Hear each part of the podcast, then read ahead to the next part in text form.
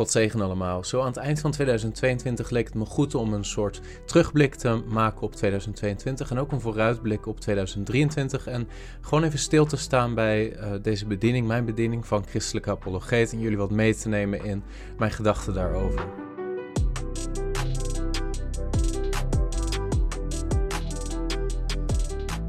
Het is alweer 2,5 jaar geleden dat ik begonnen ben met dit YouTube-kanaal.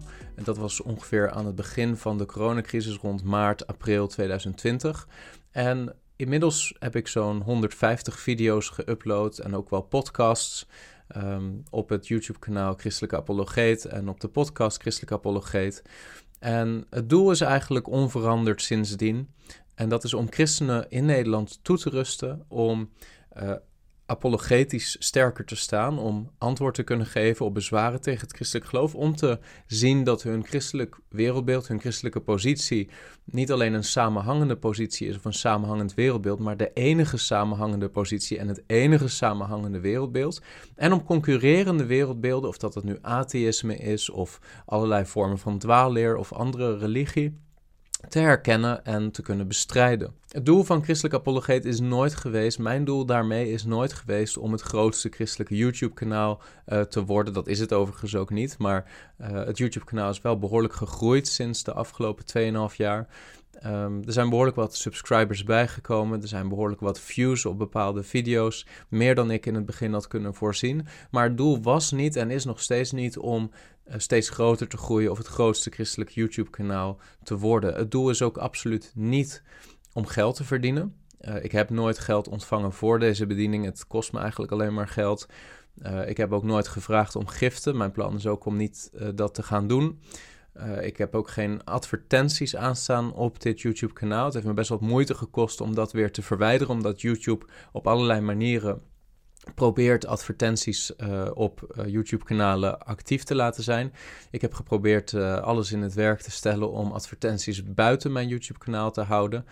Mijn doel is ook niet om mensen te isoleren van hun lokale gemeente, want dit YouTube-kanaal is geen vervanging voor een lokale gemeente. Het is een, een soort aanvulling op als goed is, het geestelijk onderwijs wat christenen ontvangen in hun lokale gemeente.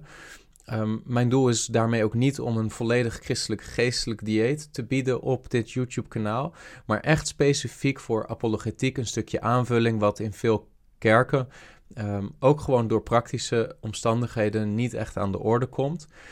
Mijn doel is ook niet om alle comments te beantwoorden, want dat is simpelweg onbegonnen werk voor, um, nou ja, voor mij met mijn huidige agenda. Um, de plaats die christelijk apologeet heeft in mijn leven is een vrij bescheiden plaats.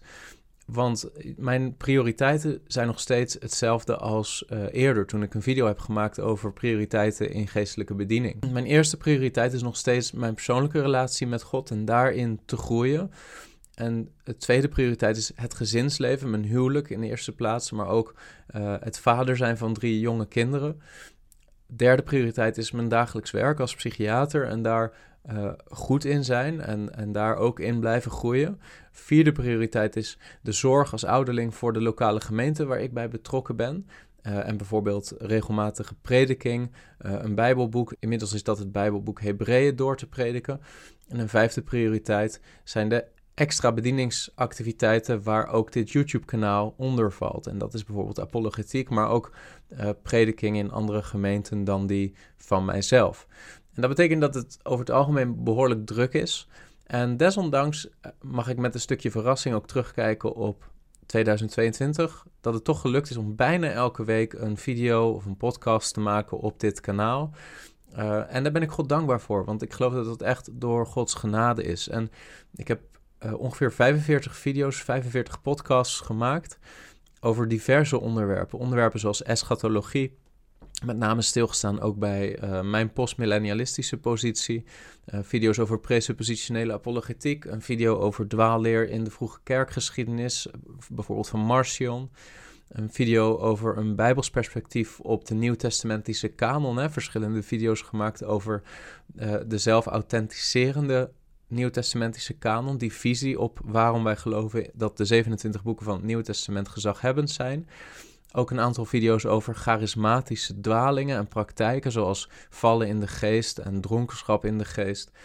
En video's over word of faith dwaling en afgoderij binnen die stroming, waar uiteindelijk in mijn beleving uh, de begeerte van mensen meer centraal komt te staan dan de authentieke betekenis van het evangelie van Jezus Christus. En terugkijkend op het afgelopen jaar zijn een aantal van die video's uh, het meest bekeken.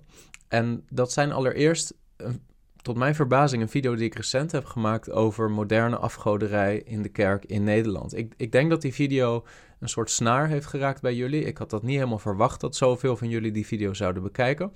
Maar die video is meer dan 6000 keer bekeken in nou, een paar weken tijd. Uh, en die video ging over uh, met name eigenlijk de Word of Faith beweging, maar ook wel thema's die in de charismatische en Pinksterbeweging breder uh, soms ontstaan in, in gemeenten. En dat is dat soms mensen afgoderij toelaten in de kerk doordat ze het evangelie van Jezus Christus gaan vermengen met een boodschap die heel erg gericht is op wat mensen verlangen in hun vleeselijke toestand. Dingen zoals uh, meer geld, meer bezit, uh, de vervulling van hun autonome vleeselijke verlangens. En wanneer het evangelie wordt aangepast om daarbij aan te sluiten, wanneer de boodschap van het evangelie in de kern wordt uh, Jezus is aan het kruis gestorven om jou alles te geven wat jij in jouw autonome vleeselijke toestand wilt hebben. Of dat het nu materiële rijkdom, voorspoed of gezondheid is. Um, wanneer, wanneer dat eigenlijk onder de motorkap van het evangelie wordt geplaatst, dan hebben we te maken met een ander evangelie. Ook al hebben we het nog steeds over Jezus, over het kruis, over uh, zijn dood en opstanding. Maar wanneer wij daarnaast gaan vermengen menselijke hebzucht en menselijke begeerten met die boodschap. Um, ik denk dat velen van jullie ergens aanvoelen dat dat niet klopt. En dat dat niet oké is en dat God dat niet zal accepteren wanneer de dag des oordeels zal aanbreken. En ik denk ook daarom dat veel van jullie die video hebben bekeken, hebben doorgestuurd. Um, en natuurlijk is het voor ons allen, iedereen actief in geestelijke bediening, een blijvend aandachtspunt om de boodschap van het evangelie niet aan te passen op de verlangens van de zondige mens, maar om echt oprecht naar de Bijbel te gaan en te kijken wat is het nu precies wat de Heilige Geest door deze woorden wil zeggen. Wat is daadwerkelijk de betekenis van het evangelie van Jezus Christus. En dan zul je ontdekken dat als je bijvoorbeeld de Romeinenbrief zorgvuldig doorleest, dat het niet zozeer gaat over materiële voorspoed of lichamelijke gezondheid, maar dat het alles te maken heeft met verzoening in de relatie met God, over een oplossing voor het zondeprobleem en over wel degelijk een hemelse toekomstige hoop en een leven in het hier en nu in verbondenheid met God, maar dat belofte van materiële voorspoed en uh, lichamelijke gezondheid in de praktijk niet de, de ervaring is van alle dag en ook niet de belofte van de schrift voor de ervaring van alle dag. En wanneer je dat wel gaat vermengen met het evangelie, komen mensen en komen vooral christenen in grote worstelingen en innerlijke strijd wanneer zij um, enerzijds wel ziek worden, en dat wordt iedereen vroeg of laat, want ja, op het moment dat uh, het probleem van ons sterfelijk lichaam al zou zijn opgelost, dan zou niemand meer moeten sterven. Dan zouden we geen rimpels meer moeten krijgen, dan zouden we geen bril meer hoeven dragen of contactlenzen. Dan zouden we um, op het moment dat alle financiële problemen opgelost zouden zijn door het evangelie van Jezus Christus, dan zou er helemaal geen oproep meer nodig zijn in het Nieuwe Testament om te geven aan armen in de gemeente.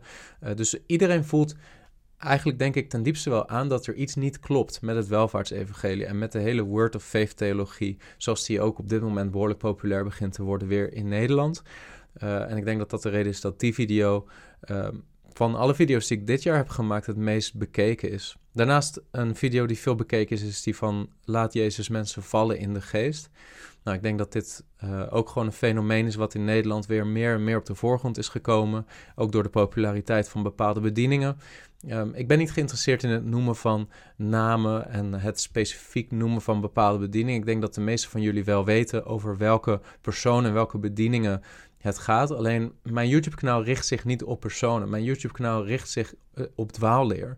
En daar wil ik bij stilstaan. Want vandaag de dag is er misschien één bepaald iemand, één bepaalde leraar die een bepaalde leer uitdraagt. Over vijf jaar is dat weer iemand anders. En dan is uh, een video gericht aan een bepaald persoon minder relevant dan een video gericht op een bepaalde dwaalleer die uh, door de tijd heen steeds weer opnieuw de kop zal opsteken. Andere video's die veel bekeken zijn, zijn video's over eschatologie. Uh, over de uitleg van verschillende perspectieven op bijvoorbeeld het vrederijk, het duizendjarige vrederijk. En een video over theologie studeren. Een tafelgesprek wat ik heb gehad met Laurens Pruis is behoorlijk veel bekeken. Terugkijkend op het jaar 2022 zijn ook een aantal boeken die mij enorm gezegend hebben, die mij geholpen hebben in mijn relatie met God, die ik je niet wil onthouden. En dat zijn allereerst boeken over eschatologie. Dit boek van Douglas Wilson, When the Man Comes Around, is een boek wat uh, enorm uh, geholpen heeft. Het is een commentaar op het boek Openbaring vanuit een postmillennialistisch perspectief. En um, ja, als je dat interesseert, dan raad ik je dat boek van Douglas Wilson van harte aan. Ook dit boek, Before Jerusalem Fell, van Kenneth Gentry, is een nuttig boek. Uh, waar ik veel aan heb gehad en wat ook een beetje de, uh, de profetieën van het Nieuwe Testament in een bepaald historisch perspectief plaatst. Uh, je hoeft het er niet per se mee eens te zijn met het hele postmillennialistische perspectief, maar het is, zijn wel boeken die je kunnen helpen om wat meer zicht te krijgen op hoe je er ook tegenaan kunt kijken. En ook dit boek van Greg Bahnsen, Victory in Jesus, The Bright Hope of Postmillennialism, is een boek wat ik van harte aanbeveel op het moment dat jij ehm, je wat wilt verdiepen in dit onderwerp. Enkele boeken die mij erg hebben geholpen rondom uh, tekstkritiek. Hè, het um, probleem van het feit dat we meer dan 5000 nieuwtestamentische manuscripten hebben. Hoe kom je dan tot een, uh, tot een meest betrouwbare tekst van het Nieuwe Testament? Nou, boeken die daarin helpen, die een overzicht geven, zijn bijvoorbeeld dit boek van Bruce Metzger en Bart Ehrman, The Text of the New Testament. Het is niet zo makkelijk meer om dit boek te vinden. Uh, maar uh, als je het vindt, is het een uh, zegenrijk boek. dit is ook geschreven door Bart Eerman in een fase waarin hij nog gewoon orthodoxe christendom uitdroeg. Dat is daarna veranderd. maar Bruce Metzger, zijn leraar, was eigenlijk de hoofdauteur van dit boek. En je kunt enorm veel leren gewoon over nou, het ontstaan tot zandkoming van de kritische tekst van het Nieuwe Testament in het Grieks. Ook dit boek is daarbij helpend. Dit boek is van Koert Aland en Barbara Aland, The Text of the New Testament. Uh, ook daarvan kun je heel veel leren met betrekking tot de Griekse tekst van het Nieuwe Testament. Een boek wat mij enorm heeft geholpen rondom uh, verschillende modellen en perspectieven op de Nieuw-testamentische kanon. Als je daar wat in wilt groeien, is dit boek van Michael Kruger. Hij heeft verschillende boeken geschreven, maar dit boek, Canon Revisited, is goed leesbaar en um, daagt je uit om na te denken over waarom we bepaalde boeken voor gezaghebbend houden als christenen en andere boeken niet. Verder een boek wat mij al vele jaren uh, erg geholpen heeft, is uh, dit boek. Uh, een samenvatting van het werk van Cornelius van Til, geschreven door Greg Baansen, waarbij hij allerlei uh, boeken en artikelen van Cornelius van Til analyseert om te komen tot een soort overzicht van zijn perspectief op apologetiek. En dat is heel nuttig op het moment dat je wilt verdiepen in presuppositionele apologetiek. En tot slot een boek wat ik ook van harte aanbeveel, uh, Institutes of the Christian Religion van Johannes Calvijn. Um, het zal je verbazen hoe leesbaar dit boek is van Johannes Calvijn. Uh, ik lees het zelf in het Engels en uh, de uitgave die ik heb is gebaseerd op zijn Franse editie van uh, de Institutes uit 1541, vertaling van Robert White. Heel goed leesbaar in het Engels. Um, en het leuke is als je het leest, dan lijkt het haast alsof Calvijn het gewoon vandaag de dag heeft geschreven. Het is zo relevant, het blijft zo relevant en het geeft zo'n uh, levendig overzicht van het christelijk geloof dat ik je van harte aanbeveel en uitdaag als je het nooit gelezen hebt. Ga dat boek eens lezen in het jaar 2023. Tot slot, hoe verder in het jaar 2023? Voor mij zijn de prioriteiten onveranderd. En dat betekent dat uh, mijn prioriteiten blijven liggen niet bij dit YouTube-kanaal en niet bij deze podcast, maar bij uh, de lokale gemeente, bij mijn eigen gezinsleven, bij mijn uh, dagelijkse werk. Maar tegelijkertijd heb ik het nog steeds op mijn hart om door te gaan en ernaar te streven om wekelijks één video of een podcast uit te brengen. En daarmee ja, iedereen die daarnaar luistert tot zegen te zijn en onze Heer Jezus Christus op die manier te dienen. Mijn hoop is om dat uh, wekelijks te blijven doen en soms een onderwerp te kiezen met wat theologisch diepere uh, betekenis. Waarvan ik eigenlijk op voorhand ook al weet dat zo'n soort video vaak wat minder wordt bekeken, wat minder um, nou ja, populair of relevant is. Um, En tegelijkertijd is juist mijn doel met dit YouTube-kanaal om niet alleen maar uh, populaire en breed relevante video's te maken, waarvan ik weet dat ze veel bekeken zullen worden. Als ik dat zou, zou doen, dan weet ik dat dit YouTube-kanaal waarschijnlijk veel sneller zou groeien.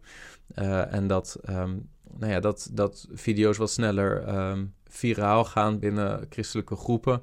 Uh, maar dat is simpelweg niet mijn doel met dit kanaal. Mijn doel is niet om een populair kanaal te worden. Mijn doel is om juist die theologisch relevante onderwerpen die, die je misschien nodig hebt om het christelijk geloof te kunnen verdedigen en antwoord te geven op moeilijke vragen, om juist die video's te maken. Ook soms weten dat die niet zo super populair zullen worden.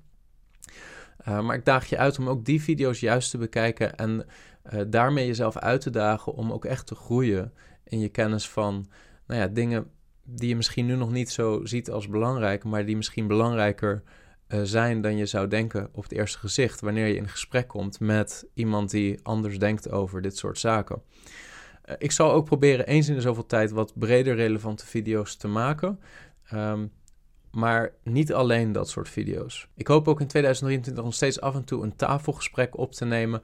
Uh, ook gewoon omdat het interessante gesprekken zijn en ze mij ook uitdagen om uh, te groeien en ook andere perspectieven dan slechts die van mij op het YouTube-kanaal te hebben staan. Verder is zo in 2023, net als in het vorig jaar, en dat is ook mijn, uh, mijn visie, dat wil ik aan vasthouden, dat ik geen geld via giften of advertenties wil krijgen. Ik wil simpelweg niet dat mensen het idee krijgen dat ik dit doe voor persoonlijk gewin of um, uh, financiële inkomsten. Daarvoor is dit YouTube-kanaal er niet. Mijn doel is om gewoon mijn eigen uh, kosten te dekken via mijn eigen inkomen. Uh, en niet uh, te gaan bedelen om geld. Ik denk dat het christendom voldoende besmet is door mensen die steeds maar vragen om geld en tiende. En op die manier ja, de schijn wekken van een dubbel belang bij de bediening die ze uitvoeren. Ik wil dat niet doen. ik wil daarin een ander geluid laten horen. En dus is het niet mogelijk om geld te geven aan deze bediening. Uh, zal ik ook proberen, zolang YouTube dat toelaat, niet te adverteren op mijn YouTube-kanaal. Um, om geen schijn van belangenverstrengeling toe te laten, maar puur gewoon het onderwijs te verspreiden om niet gratis, uh, om het lichaam van Christus, het Koninkrijk van God, tot zegen te zijn. Dat is mijn gebed, dat is mijn verlangen. Ik hoop dat het lukt om dat ook te blijven doen, dat YouTube dat toe blijft laten.